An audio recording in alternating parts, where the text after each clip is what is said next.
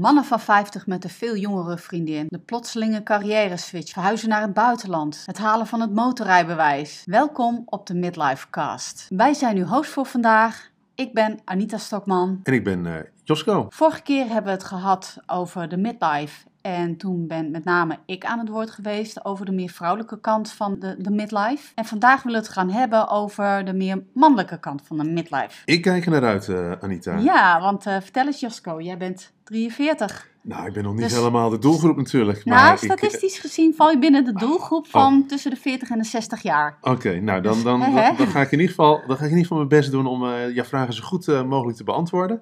En ik ben zelf ook wel uh, nieuwsgierig naar wat achtergronden, want als specialist ben jij er uh, goed ingedoken. We gaan het ontdekken. In de vorige podcast heb ik al wat genoemd over dat ongeveer 25% van de mensen tussen de 40 en de 60 in de midlife geraakt. En dat een hormonale verandering de aanzwengel is voor veranderd gedrag.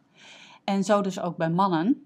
Ongeveer 10% van de mannen heeft boven de 40 een, een gestaag dalende testosteronspiegel, waardoor ze zich ook anders gaan voelen en gedragen.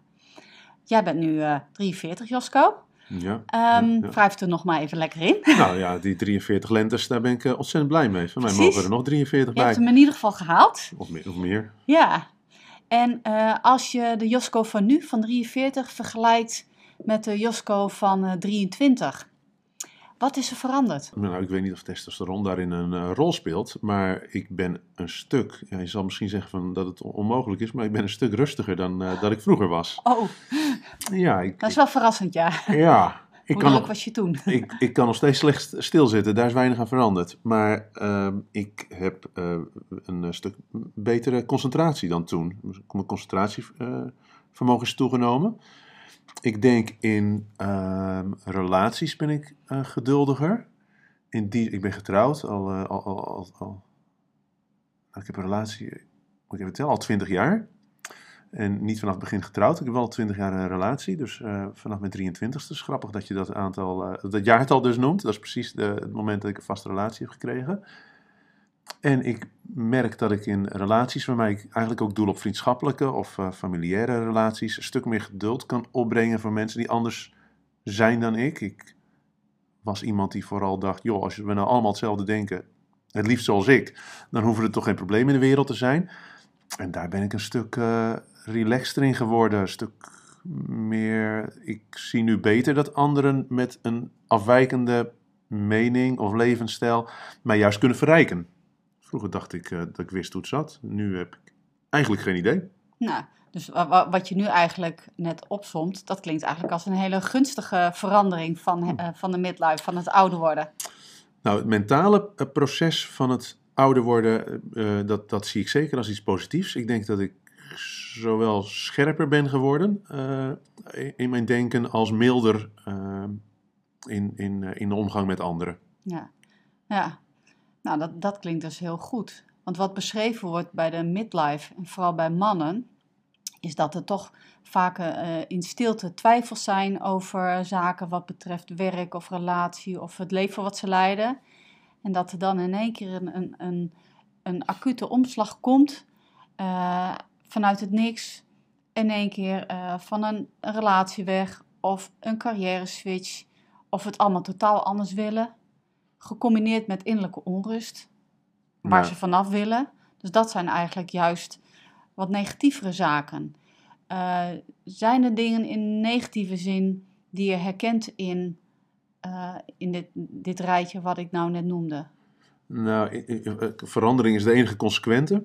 Uh, ik vind het een mooie uitspraak. Misschien is het ook zo dat ik gewend ben geraakt aan de innerlijke onrust en dat daardoor meer heb weten te plaatsen. En het feit dat het mij altijd op hart heeft gespeeld dat deze leeftijdsfase daarin minder als een disruptie wordt ervaren, maar meer als een soort ja, continuïteit van wat er altijd al was.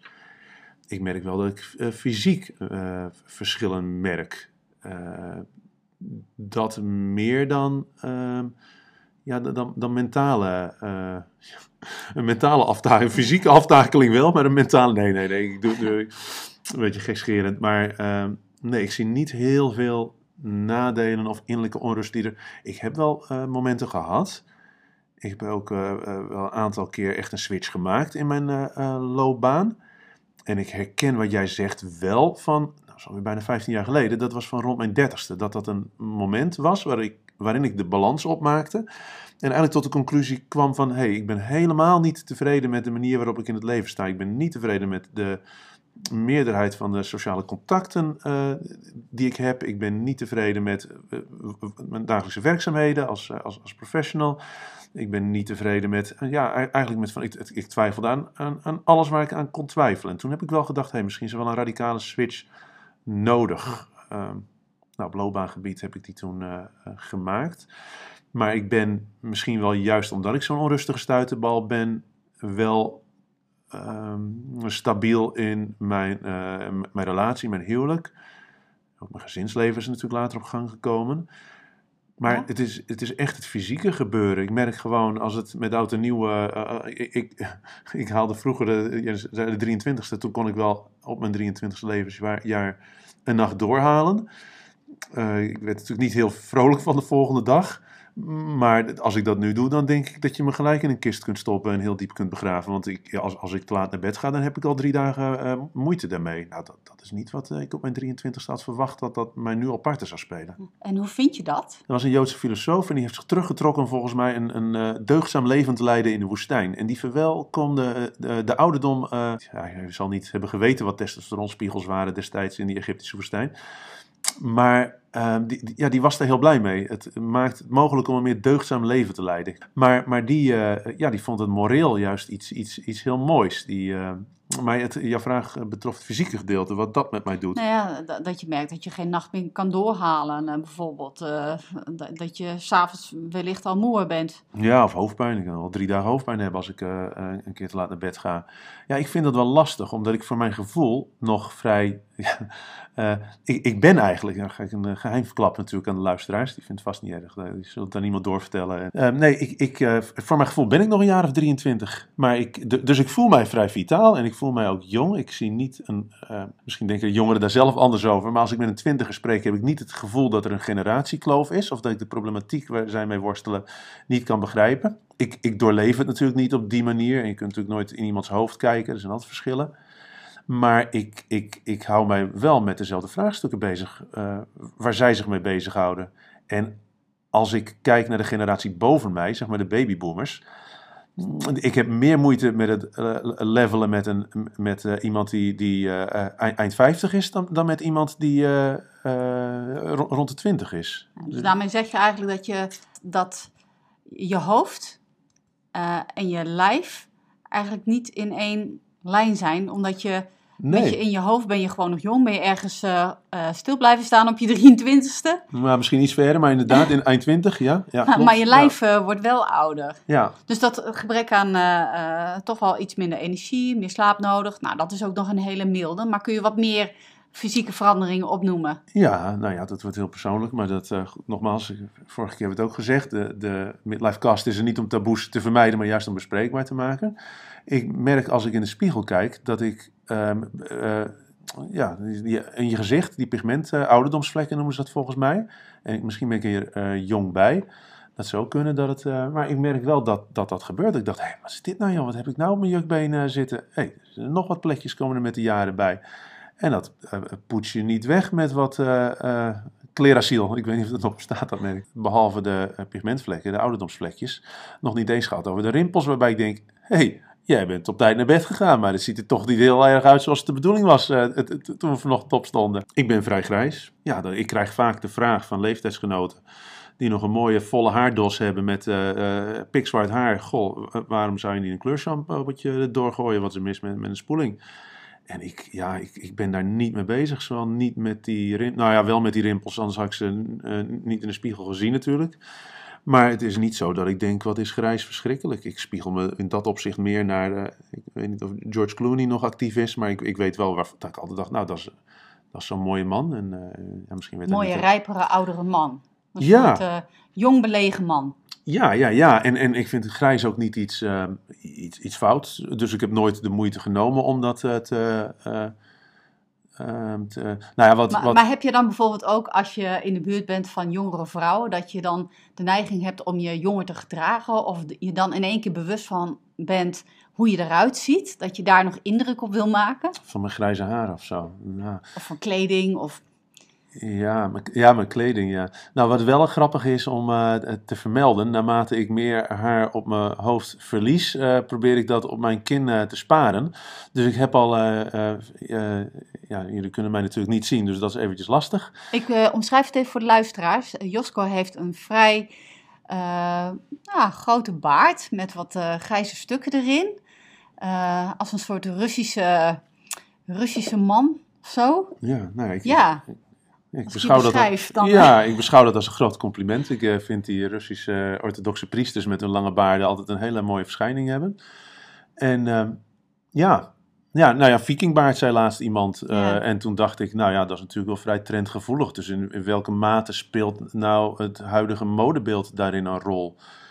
Nou, ik heb altijd wel zo'n eh, drie dagen baardje laten staan. Dus dat is niet iets wat. eh, Maar eh, nou ja, ik had zoiets van: als de koning het mag, dan mag ik dat vast zelf ook. Dus ik heb inderdaad al vrij snel besloten: God, ik vind deze trend zo mooi, daar ga ik handig op inspelen. Maar ik dit gebruik doen, van maken. dit doen ook jonge mannen. Maar de vraag was, de vraag Ja. was even weer terug. wat je, de, het cliché over de midlife man is dat hij voelt dat hij zijn jeugdigheid en zijn schoonheid verliest. En dat hij op andere manieren probeert dan indruk te maken op jongere vrouwen. Middels een motor of eh, ja, eh, toch weer op stap gaan. eh, probeert dat gevoel van jeugdigheid, die energie van jeugdigheid te herwinnen. Door in contact te zijn met jongere mensen, jongere vrouwen. En, en qua uiterlijk toch nog indruk te maken om te kijken hoe goed lig ik nog in de markt. Dat soort. Ja, ja. Nou, ik Herken ben, je daarin? nou, ik, ik ben eigenlijk een, een workaholic en ik ga niet uit. Althans, ik ga wel naar een restaurant om te, een, een, een hapje te eten. Maar veel verder dan een vorkje prikken gaat dat niet. Dus ik ben weer op tijd terug. Dus het uitgaansleven heeft me eigenlijk, eigenlijk nooit heel erg eh, geboeid. Niet toen ik jong was, denk ik. Niet op die manier. Ehm, en jongere vrouwen denk ik ook niet. Ik ben ook niet heel modebewust. Misschien is die baard meer iets wat ik eindelijk heb kunnen doorzetten... doordat het modebeeld veranderd is in de loop der tijd. Dat ik meer bij mezelf heb kunnen aansluiten dan dat ik eh, mee ben gegaan in die trend. Dus ik vind het een lastige vraag om te beantwoorden wat mij hierin beweegt. Ik heb wel het sterk het gevoel dat als ik met jongeren praat, dat ik soms. of jongeren. Nou, zo- zoals ik al zei, ik, ik heb meer met het wereldbeeld van een millennial of de generatie daaronder dan dat van een babyboomer. Du- dus als ik die keus moet maken, dan. eh, eh, grappig trouwens dat ik mijn eigen generatie buiten beschouwing laat. Ja, Ja. ja. Nou ja, dat, dat is dan toch nog wel iets, iets mee willen pakken van die energie van iemand die jonger is. Terwijl andersom, hoe kijkt een jonge iemand tegen iemand van jouw leeftijd? eh, en, Ik, ik ben stokoud voor. voor, voor, voor ja, hoe ja. voelt het als ze je meneer noemen ja. en met u aanspreken? Ja, nou dat is wel grappig. Ik heb, eh, als ik naar de televisie kijk, dan zie ik steeds jongere. Nou, dat is natuurlijk niet waar. Ik ben steeds ouder, maar eh, relatief ten opzichte van mij jongere presentatoren. En dan denk ik wel eens, hemeltje, ik word echt ouder. En dat, dat is af en toe een eye-opener. Dat ik denk, ja, dat kan ook iets over de maatschappij zeggen natuurlijk. Dat we ouderen, eh, behalve Omroep Max dan, dat we ouderen weren van het, van het, eh, van het, eh, van, het beeldscherm. Maar dat, dat is wel iets waarvan ik denk, ja, je wordt zeker wel ouder. En ik heb ook niet de... Ik vind ouderen ook wel heel mooi, moet ik zeggen hoor. Maar dan doe ik niet zozeer op de generatie babyboomers, maar vooral die, die daarboven. Waarbij ik denk, joh, dat, dat zijn echt mensen die de oorlog nog net in die nasleep hebben meegemaakt. Bewust, niet als kind. Dat ik denk, ja, daar, daar kan ik echt... eh, dat, dat vind ik zo'n eh, fantastische generatie. Daar, daar spiegel ik mij graag aan. Dat waren harde werkers die de schouders eronder hebben gezet. En misschien ook dat ik een achtergrond heb als ondernemer. Daar herken ik me zeker in. Ja, dus, dus ja... Ja, dat is eigenlijk ook wel grappig. Dat, dat blijkbaar is eh, tussen jong en oud, dus die midlife, de fase dat je jeugdigheid verliest, dat dat een pijnpunt is. Terwijl als je er op een gegeven moment weer overheen bent en echt ouder bent, dat het je dan niet meer zoveel kan schelen. ja. Misschien is dat ook best wel Ja, een dingetje. iemand vertelde mij eens, eh, iedereen wil oud worden, maar niemand wil oud zijn. Nee. En dat, dat sluit een beetje aan eh, bij wat je zegt. Nou ja, je raakt iets kwijt qua eh, ja, qua misschien fitheid of eh, eh, fysiek hoe je eruit ziet. Eh, mannen en vrouwen veranderen. Hoe Nou, is dat bij jou? Nou, in de vorige podcast, ik zal je vraag over de fysieke verschijningsvorm straks beantwoorden, want het is natuurlijk meer dan een gezicht dat een mannenlichaam eh, betreft. Ik wil eerst even terugkomen op iets wat jij in de vorige podcast zei, waar, waar, waar mijn gedachten, die maken nu een sprongetje. Je gaf aan, goh, ik ben nu 50, gemiddeld op je 70ste beginnen de lichamelijke ongemakken. Eh, nou, dat fysiologische aspect, daar wil ik straks op ingaan. Er zijn nu al fysieke ongemakken die ik af en toe ervaar. Dan heb je tussen je 50ste en je 70ste nog 20 jaar waarbij je je eigenlijk kunt afvragen: wat had ik nog willen doen dat ik niet gedaan heb?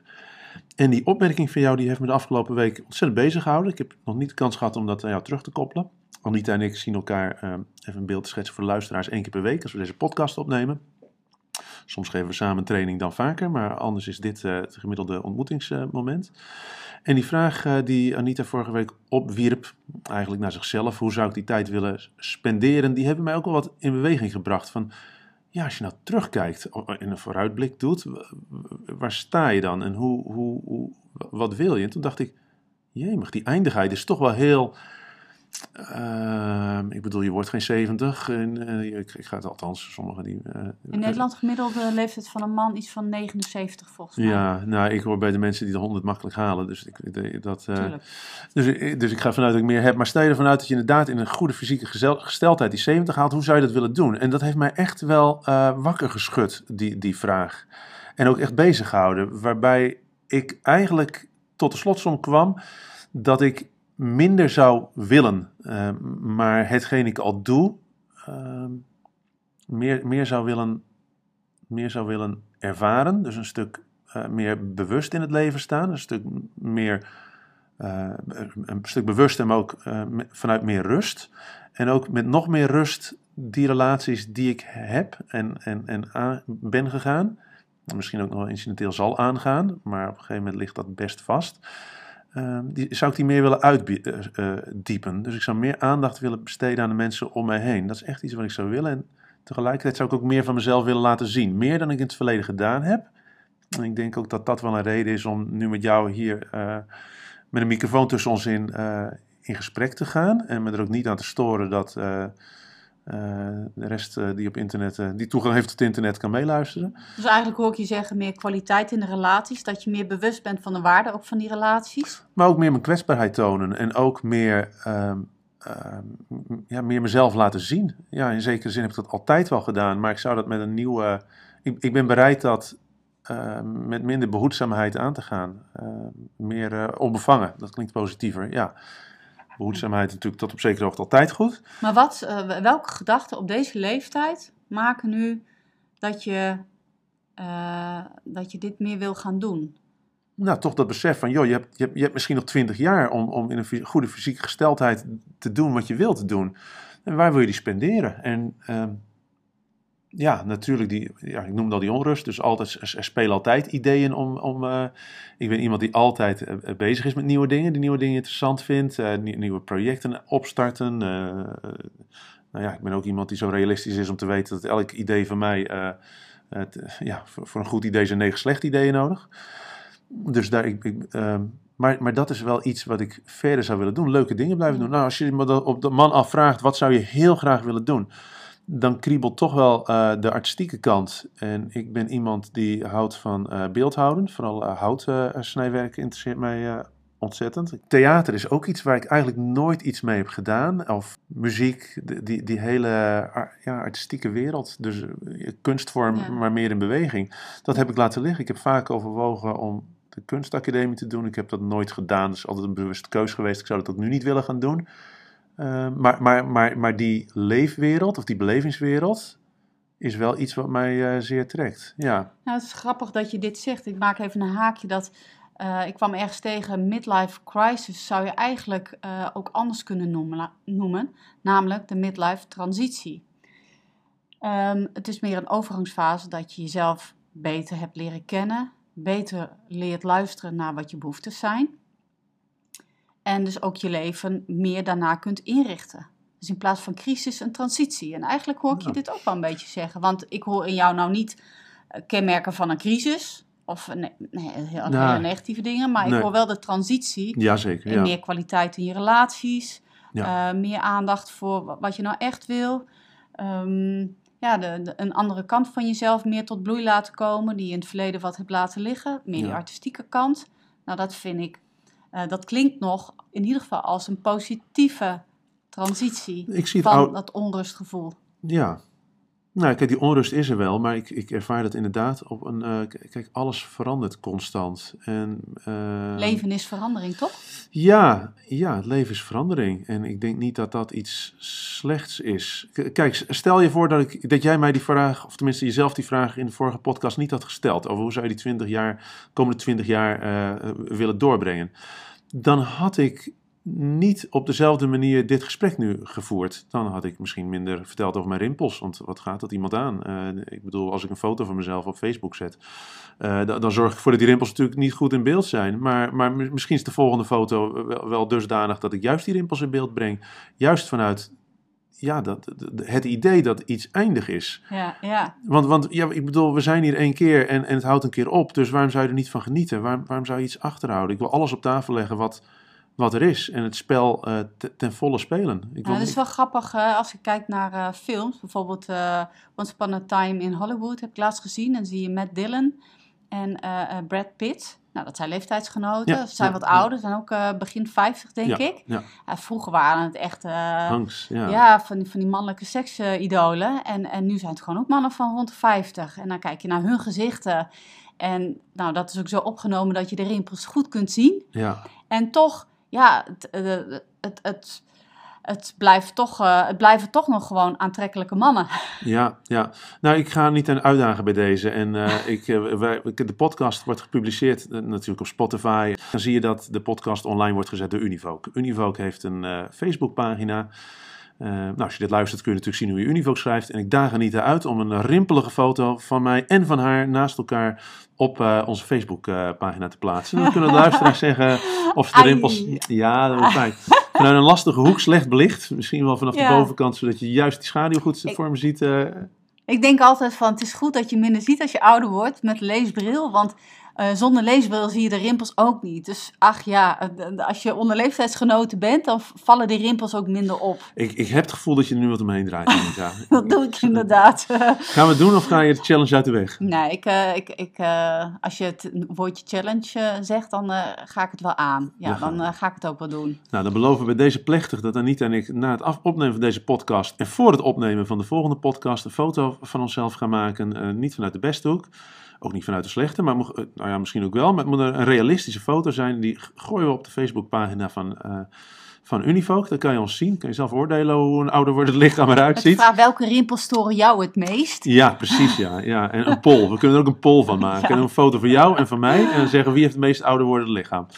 Maar, eh, Raad onze leeftijd. Raad de leeftijd, ja. Nou, dat hebben de luisteraars Ja, natuurlijk dat al heb een ik keer al gehoord. gezegd. Ja, ja, ja. Maar jij noemde de leesbril, Anita. Ik heb een leesbril. En voor een, iemand van 43 is dat vrij vroeg. En ik weet nog dat ik naar de opticien ging en eh, eh, aangaf... hé, hey, ik, af en toe als het wat donkerder wordt... Ik noemde al, ik ga wel naar restaurants. Ik ben geen grote feestbeest, ik ga niet uit s'nachts. Maar naar een restaurant wil ik nog graag een vorkje prikken. En dan kon ik die menukaart niet meer lezen. En ik ging naar Ach, de opticien en die zei... die, Nou, nou ja, ze zei het net niet, maar daar ben je te jong voor. Maar nou, dat bleek dus toch niet het geval te zijn. Dus ik ben met de En dan denk ik, ja, dat zijn van die kleine dingetjes... waarbij je toch denkt...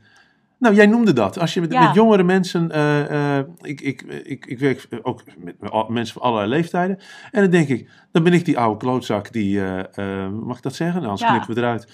Dan ben ik die oude klootzak die, die, die een leesbril moet zoeken ergens om die menukaart te lezen. Nou, dat, dat is echt een heel mooi voorbeeld voor de luisteraars als het gaat om. Een, dat je toch wel moeite hebt met. eh, het, is niet allemaal. Oh, eh, ja, het is niet altijd leuk. Ik vind het echt ongemakkelijk. Soms heb ik hem niet bij me. Moet ik hem van een oude stel dat achter me zit lenen.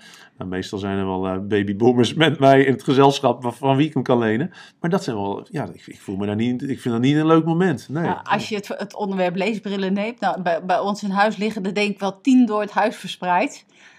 Mijn partner en ik hebben beide niet continu een bril op, maar we hebben wel een leesbril nodig. Dus op vakantie had ik zelfs eh, een zonnebril eh, zonder leesbrilstuk, een zonnebril met en eh, een gewone leesbril. Dus ik zat steeds te switchen tussen drie, drie Ja, ja. brillen. En het is natuurlijk veel handiger om één bril te hebben die je altijd op hebt. Varifocus, heet dat zo? Eh, nee, het is geen Varifoco. Het is gewoon een, een, een zonnebril met een sterkte. Oh, ja, met een plus ja. 2 bijvoorbeeld. Maar die plus 2 sterkte was weer te sterk om recht vooruit te kijken. Dus ik, ik haalde hem de helft van mijn neus af. Kortom, een hoop gehannes met Ik verschillende ik brillen. gaat, het nog heel, gaat het verhaal nog heel lang duren? Ik vraag het ook namens aan de van de luisteraars dat het nu eens aftaakt. Oftewel, hoe lang negeer je dat, lees, dat, dat brilprobleem? Want eigenlijk negeer ik het, omdat ik het niet helemaal wil weten. Ik, ik wil nog steeds zeggen, oh, ik heb alleen een leesbril. Want op afstand zie ik heel goed. Ja, ja. Dus ik Nou, wil er ook niet echt aan. Nee, ik, ik heb dat ook. Ik vind de, een leesbril is echt een, ja, dat lijkt een klein puntje. Als je zelf geen leesbril hebt omdat je nog veel jonger bent of je hebt gewoon beter zicht, dan, herken je dat misschien niet. Maar ik, nou ja, ik, ik heb dat net als jij. Ik vind dat he- heel onhandig, maar ook een beetje een gênant moment. En ergens is het natuurlijk ook een beetje kinderachtig. Ik bedoel, het gemiddelde lichaam bestaat niet, maar we willen tegelijkertijd allemaal Ja, ja, ik heb een keer een test gedaan. Dat is een mooi voor de, voor de luisteraars. Over als het gaat om een gemiddeld lichaam en een ouder wordend lichaam. Dat was, eh, ik heb vroeger voor de klas gestaan. Ja, toen hebben we een test gedaan in, eh, in, een klas. Wie, heeft nou, eh, wie, wie behoort nou tot het gemiddelde? En toen hebben, heb ik de vraag opgeworpen. Dat was een, een, een, zo- zo'n werkvorm die ik had voorbereid. Het was de bedoeling dat de leerlingen zouden kijken wat de gemiddelde schoenmaat was. En die kwam uit op, ik meen 39,2.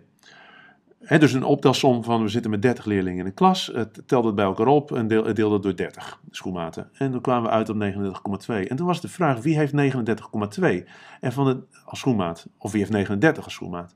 En toen bleek dat er twee of drie leerlingen waren van de 30. Dus nog geen 10% heeft een gemiddeld lichaam. Du- dus wat is, gemiddeld worden, oudend worden het lichaam. Ja. ja, en, en wat is een gemiddelde? Waar spiegelen we ons dan aan? Ik, Ja. Als je die Arnold Schwarzenegger ziet, ik bedoel, dat als je het hebt over een oudere man ja. en verschillende carrières.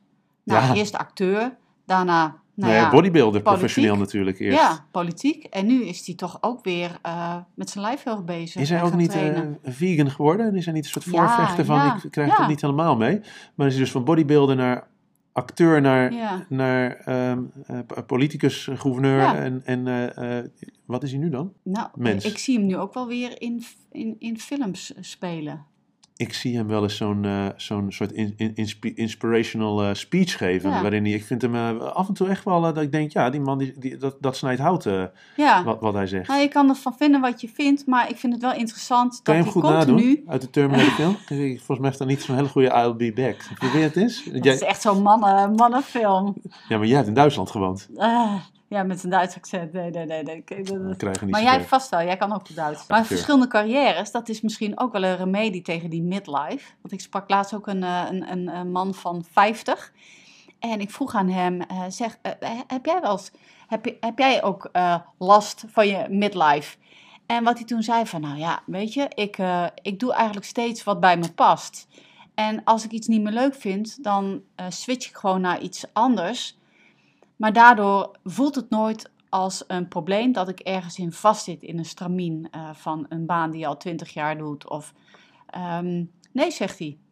Ik doe gewoon wat bij me past. Ik ben, eh, ja. Ja, nou, ik denk dat dat Dat hoor inderdaad. ik jou ook- eigenlijk ook maar wat zeggen met die carrière switchen. Ja, klopt. Ik, eh, ik, ik wil gewoon ook doen wat plezier geeft. En dat is natuurlijk. Wat, nou ja, goed, er moet altijd rook uit de schoorsteen komen. Dus je doet nooit alleen maar leuke dingen. Dat, dat probeer ik ook niet te zeggen. Maar ik heb wel geleerd naarmate de jaren eh vorderden. dat ik maar eh, mijn hart echt moet volgen. En, en eh, als iets niet goed voelt. Ook al kan ik dat niet goed aan mezelf uitleggen, of kan ik het rationaliseren, wegrationaliseren. Nou, dan, op het moment dat ik mijn hart niet volgde, heeft dat me eigenlijk altijd in de problemen gebracht. En dat, dat is echt iets eh, waarvan ik denk, ja, dat ga ik gewoon niet meer doen. En ik ben ook bereid om faalervaringen op te doen. Ik ben niet te oud om te leren. Sterker nog, ik denk dat ik, zoals ik aan het begin van de podcast al zei, steeds minder weet en daardoor steeds meer leer. En dat, dat, dat eh, ja, misschien is dat ook wel iets leeftijdsloos. Ik weet niet of dat wijsheid is met de jaren. Ik geloof dat niet. Ik zie soms mensen die jonger zijn dan ik, die veel slimmer en veel, veel opener in het leven staan. Waarbij ik denk, god, had ik dat maar eh, op die leeftijd. eh. Wat, wat zou jij trouwens tegen de jongere Anita zeggen? Laat los en heb vertrouwen in je eigen mogelijkheden. Want mijn strategie was toch altijd wel eh, doorzetten en vasthouden. En toch controle. En ik heb eigenlijk dus ook later geleerd, vooral door eh, theatersport, dus improvisatietheater, dat, dat er altijd wel iets op je pad komt en dat je daar vertrouwen in hebt. En dat heb, had ik van nature niet zo. Ik was, had veel meer angst om eh, dingen niet goed te doen. En ik kan relaxter achteroverleunen als ik het even niet weet. En gewoon even eh, op een afstandje kijken en, te, en vertrouwen op dat er wel weer iets nieuws op een pad komt. Of dat dingen zich ook wel weer vanzelf oplossen. Dus dat kost me gewoon veel minder energie. Dat, dat, en dat had ik mijn 20-jarige ik graag gegund.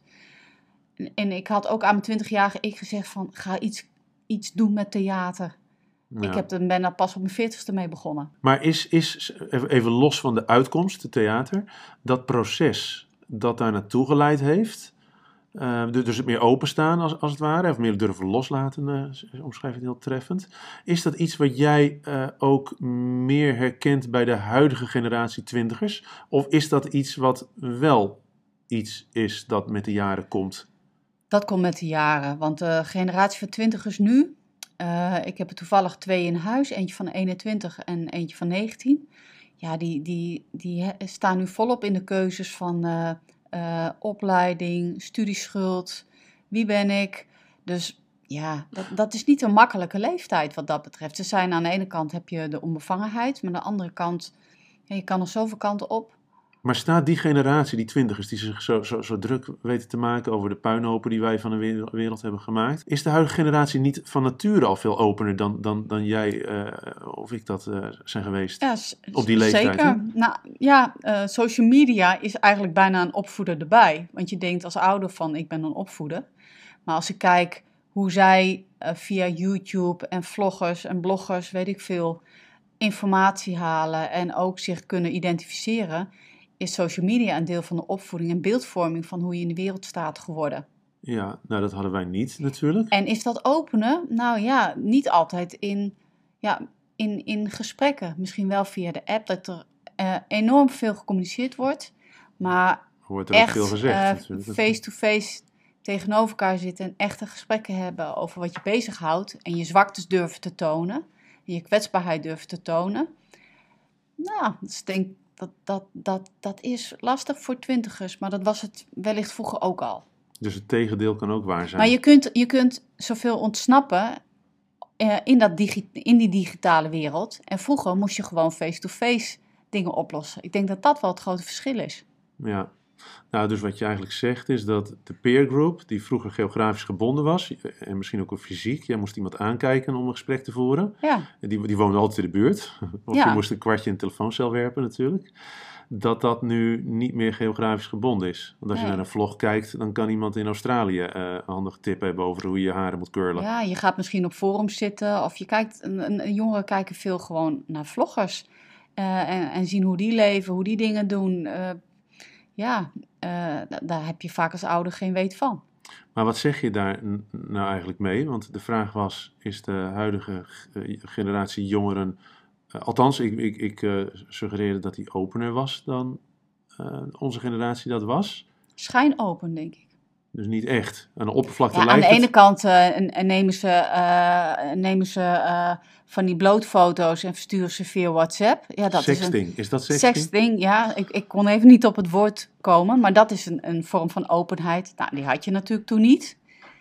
Maar aan de andere kant douchen ze na het sporten met hun onderbroek aan. Ja. Dus dat soort preutsheid is er wel. Dus wat is openheid? Ja, ja, een vreemd soort contrast. Dus Ja. Een soort paradoxale ja, ik openheid. vind ze ook wel weer preutser bijvoorbeeld.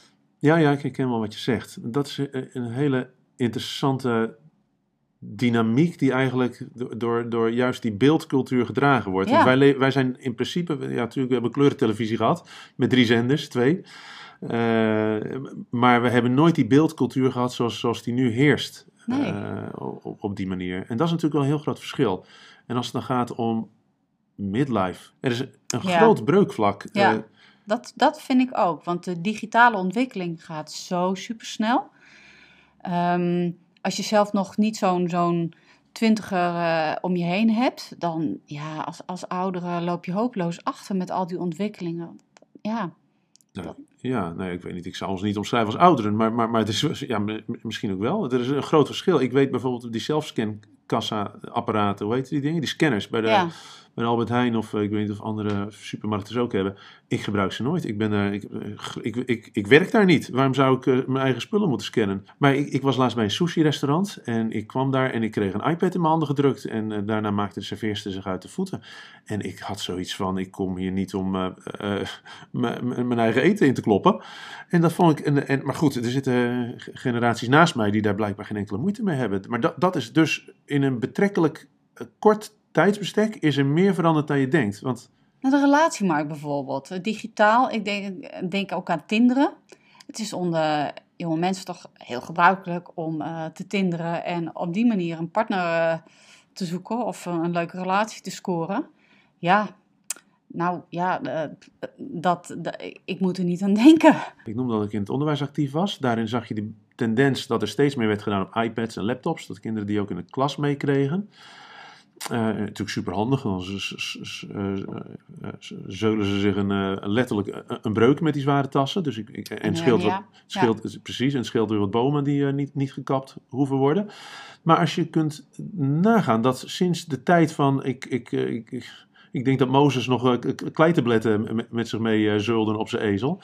Maar tot de tijd dat de brugklasser, eh, die Anita Vjosko heette, naar school ging met een veel te zware rugzak, is er betrekkelijk weinig veranderd. Om informatie te delen of te, te, mobiliseren, moest je een fysieke drager hebben. En als je nagaat hoe de huidige generatie, die, heeft gewoon alle informatie die ter wereld ooit beschikbaar is gekomen, ja, die is twee muisklikken van ze verwijderd. Dat, dat is echt een ontzettend grote eh, sprong in de tijd die binnen één generatie heeft plaatsgevonden. Als- Ik, ik, ik denk wat, wat hè, als je het over fysiek eh, ook weer hebt, het, ook in de manier waarop mensen elkaar ontmoeten, eh, het facetimen, het digitaal elkaar ontmoeten, is onder de jongere generatie veel gebruikelijker. Terwijl ik denk dat mensen van onze generatie graag nog meer tegenover elkaar willen zitten en elkaar fysiek willen ontmoeten. Ja. Nou ja, we moesten ook wel, want we hadden geen toegang tot, tot, tot, tot de netwerken. Waar het, toen Maar die hebben we nu wel. En toch Ja. voelt het beter om fysiek iemand te ontmoeten en een echt gesprek te hebben, dan dat je alleen maar facetimet of skypt. Maar de vraag is of dat voor de huidige jong- eh, generatie jongeren ook zo is. Of dat het aan ons voorbehouden is. Dat, dat is maar de vraag. Ik zie mensen vaak, ik noem al die restaurants waar ik vaak kom. Dan zie ik ze naast elkaar zitten en dan kijken ze allebei naar een telefoon. En dan denk ik, waarom...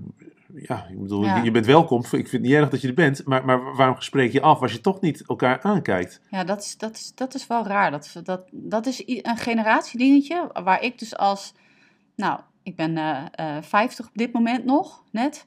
eh, waar ik toch wel... Ja, eh, vind ik lastig om zonder oordeel naar te kijken. Ik heb daar wel een mening over. Ja, Ik vind ja. daar wat van. Ja, nou goed, het is natuurlijk een, een, een, een ontzettend gevaarlijke, of gevaarlijk, maar nou, het heeft voor- en nadelen natuurlijk, een, Ja. een, een mobiele telefoon. En ik vraag me inderdaad af of we goed zijn toegerust om daarmee om te gaan.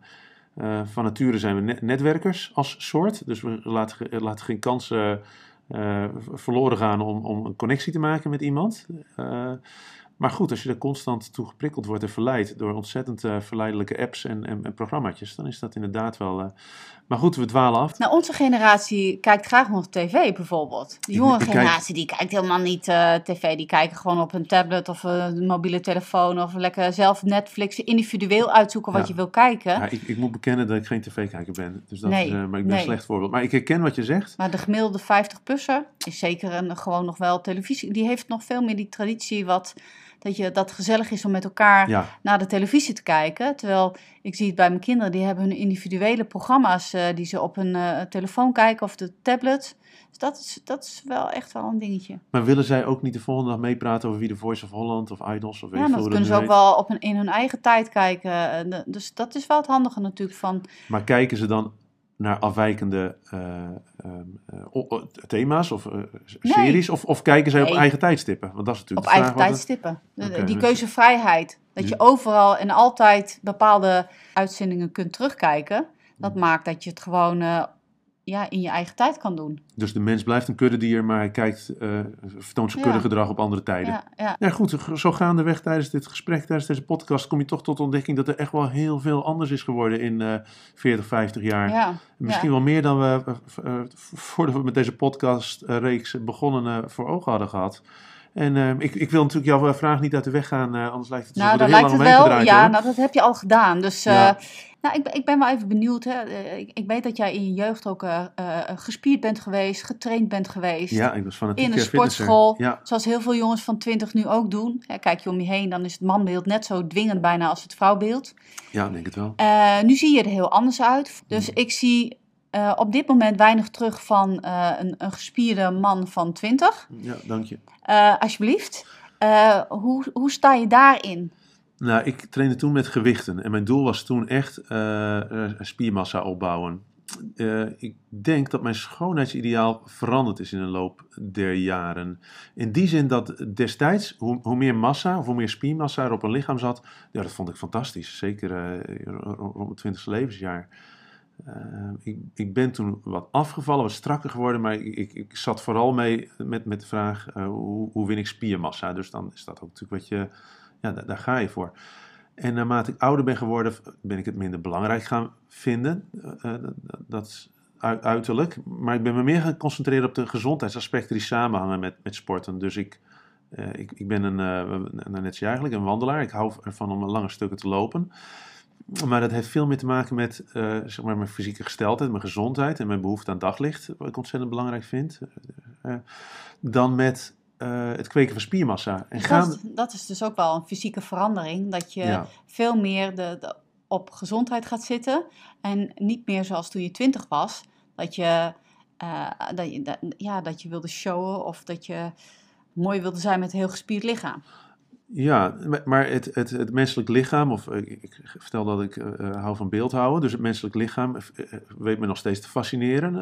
Een, mannenlichaam is natuurlijk ook, net, net als een vrouwenlichaam, een interessant object. En vanuit een soort esthetisch perspectief is er altijd een soort, toch dat gemiddelde wat ik net ontkende, maar een soort esthetisch ideaalbeeld. Alleen is dat voor mij ook gaandeweg veranderd. Dus los van het feit dat ik me meer concentreer op de gezondheidsaspecten die bij sporten horen, is ook mijn mensbeeld veranderd. Ik eh, zag een foto van mezelf in, samen met een, eh, eh, een vriend van mij, die is nog steeds in het onderwijs trouwens actief. En we zagen een foto van 20 jaar geleden, toen ik hem net leerde kennen, en, en nu. En we vergeleken onze haargrens eh, m- met die van, eh, van toen. En dat, ja, je lacht erom. Dan werpt zich op een gegeven moment onder mannen, ik weet niet of eh, mannelijke luisteraars zijn die, die dat herkennen, de vraag op van wa- wanneer wordt het tijd dat je, dat, dat, dat je je hoofd kaal scheert om zeg maar te ontkomen aan zo'n was dat Helmut Kool? Of, of zo'n Genscher, weet je, zo'n kapsel waarbij ze dat eh, flapje dan, zeg maar, eh, over... nou, dan ga je zeg maar hele rare haardrachten eh, verzinnen. Dat om- doet Trump ook. Huppakee. Doet hij dat ook? Die ene lange pluk over zijn, zijn dwars over zijn schedel. Ja, en, en, en wil je dat? Of hou je dan de eer aan jezelf en, en scheer je de boel helemaal kaal, waarbij je misschien als een soort... ja, ik, ik, ik, ik heb dat wel eens gedaan, mijn hoofd kaal geschoren. Nou, als je kijkt naar Umberto Tan, dat vind ik een prachtige, Ja. belegen man.